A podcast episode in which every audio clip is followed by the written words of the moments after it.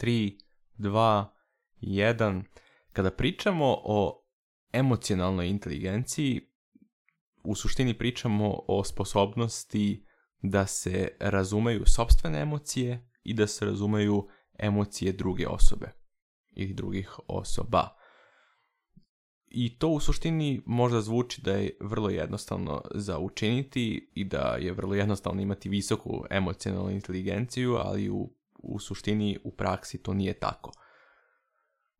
Mi svi znamo da ne postoji bilo kakav predmet u osnovnim i srednjim školama koji se konkretno bavi emocionalnom inteligencijom i upravljanje emocijama i šta su emocije i odakle potiču i kako da ih razumemo i bilo šta vezano za to što je problem. Mislim da se to malo nadoknađuje kroz one silne lektire koje moraju da se čitaju tokom školovanja, zato što bar u tim knjigama je moguće pročitati o emocijama koje je pisac predočio u različitim situacijama i koje, i koje je prosto ugradio u svoje eh, karaktere u knjizi. Ali mislim da to nije dovoljno. Mislim da bi trebalo da se, da, da jedan predmet postoji koji bi se bavio konkretno emocionalnom inteligencijom, zato što je to jedna jako bitna stvar kasnije u životu. Vrlo je bitno da onaj prvi deo koji čini emocionalnu inteligenciju, a to je razumevanje svojih emocija, dakle vrlo je bitno to postići. Vrlo je bitno znati zašto si u nekom momentu ljud, zašto si u nekom momentu nervozan. Lako je znati jasan razlog. Naprimjer, neko te je iznervirao pre pola sata i ti si dalje nervozan. Ali obično je slučaj taj da, da, je, da ta nervoza koju osjećaš je ukorenjena mnogo dublje i da je to što te neko iznervirao pre pola sata samo trigger ovo da se ona otključa i da se manifestuje. A da su određene stvari u tvom životu se gomilale možda vremenom i onda su kulminirale tim nekim okidačem. I to obično biva za sve loše emocije. Obično se sakuplja nešto u ljudima i onda jedan događaj trigeruje njihovo, njihovu, njihovu erupciju i onda osoba misli da je to zbog toga, a u stvari nije, nego postoje stvari u životu koje se dešavaju i koje bi trebalo da se promene, a ta osoba ne zna za to zato što misli da je pravi uzrok taj trigger zapravo, koji je samo jedan od uzroka. Druga stvar vezana za emocionalnu inteligenciju i to što određuje kolika je ona kod različitih osoba je ta koliko razumeš emocije drugih ljudi. To je, pa ne znam da li je teže ili lakše od toga da razumeš svoje emocije, zato što je podjednako e, teška stvar za razumeti. Ako vidiš da neka osoba ljuta, treba, e, ono što osobu koja ima visoku emocionalnu inteligenciju odlikuje je to da prvo razume zašto je ljuta, dakle da u komunikaciji sa tom ljutom osobom može da razume e, stanovište te osobe, da razume jačinu ljutnje i da eventualno joj i pomogne kroz svoju perspektivu da taj bes i tu ljutnju, ako ništa, onda bar smanji. Ako ne, i da je totalno eliminiše. E sad, e, moguće je, ja sam razmišljao o tome da ego zapravo utiče na to koliku emocionalnu inteligenciju mi možemo da imamo. Naprimjer, kod osoba koji, kod kojih je ego prilično jak, dakle kod egoističnih osoba, primetio sam da je emocionalna inteligencija nešto niža. I mislim da je to samo po sebi intuitivno jasno. Ako je neko prilično egoističan, Prva stvar je ta što je on sebi više u centru pažnje od ostalih ljudi i to dovodi do toga da se manje obazira na emocije drugih ljudi. I sada to u socijalnom aspektu života može da donese dosta problema.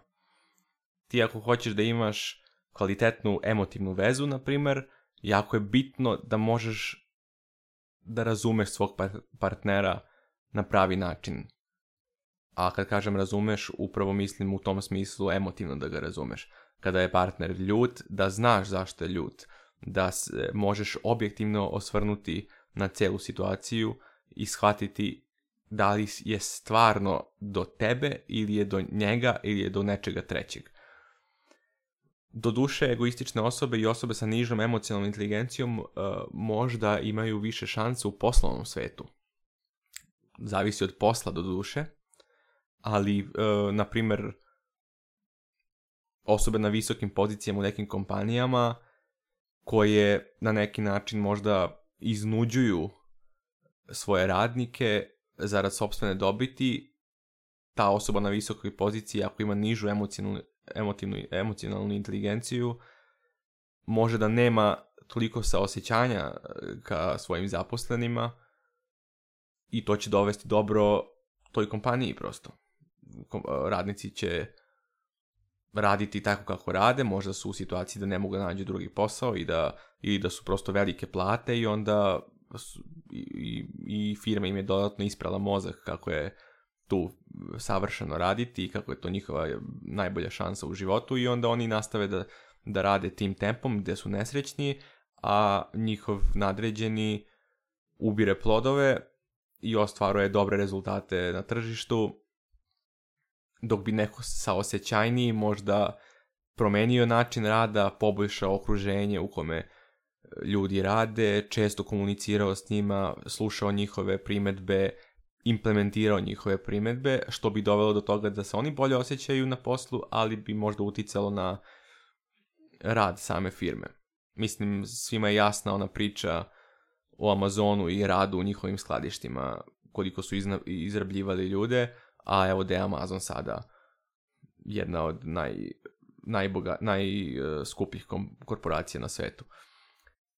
Ali pošto verujem da će veća, veći, veća, velika većina slušalaca ovog podcasta biti prosto ljudi koji nisu na takvim pozicijama i kojima je vrlo bitno da svoje privatne odnose sa ljudima e, vode na što boljem nivou, onda mislim da je bitno da se zna da, da visoka emocionalna inteligencija može da utiče na to da ima, imate prosto bolji odnos sa ljudima oko sebe, sa partnerima, sa prijateljima, sa porodicom i tako dalje. E sad, neki savjeti kako da se, da, kako da se unapredi svoja emocionalna inteligencija, ukoliko mislite da nije na nekom nivou, bukvalno ne znam šta da kažem. Mislim da to dosta zavisi od same edukacije, o pročitanim knjigama, o slušanju različitih ljudi na tu temu koji znaju šta pričaju. Iskreno, vrlo fascinantno mi je ta, to što umjesto u školama mi smo imali prilike da generalno kroz neke crtane filmove i filmove učimo emocionalnoj inteligenciji. Neki filmovi koji su napravili ogromne uspjehe su upravo bazirani u suštini na tim stvarima. Bukvalno prikazuju određene emocije na jedan način i uče publiku suptilno o njima. Naprimjer, Harry Potter je dobra, e, dobra, dobra primjer za to.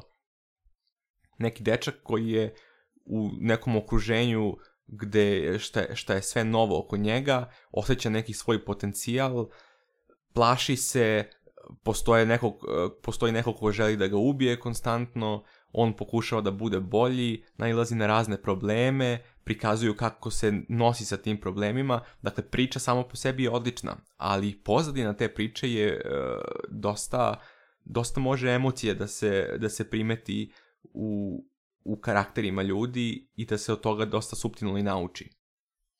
Tako da, e, taj, taj, ta serija filmova Harry Potter je, na primjer, vrlo interesantan i nije napravio toliki uspeh bez veze. Upravo je, upravo je zbog toga što mnogi ljudi mogu da se pronađu emotivno sa, sa karakterom Harry Pottera, ali i sa ostalim karakterima u filmu. Pinokio je isto jedan crtani film koji, je, koji isto ima duboke, duboke suštine o emocijama u pozadini. Tako da eto, htio sam da popričam malo o emocionalnoj inteligenciji, činila mi se kao zanimljiva tema, svakako će biti više o tome i u budućnosti. Hvala vam što slušate Neuroprizmu podcast i vidimo se u sljedećoj epizodi. Pozdrav!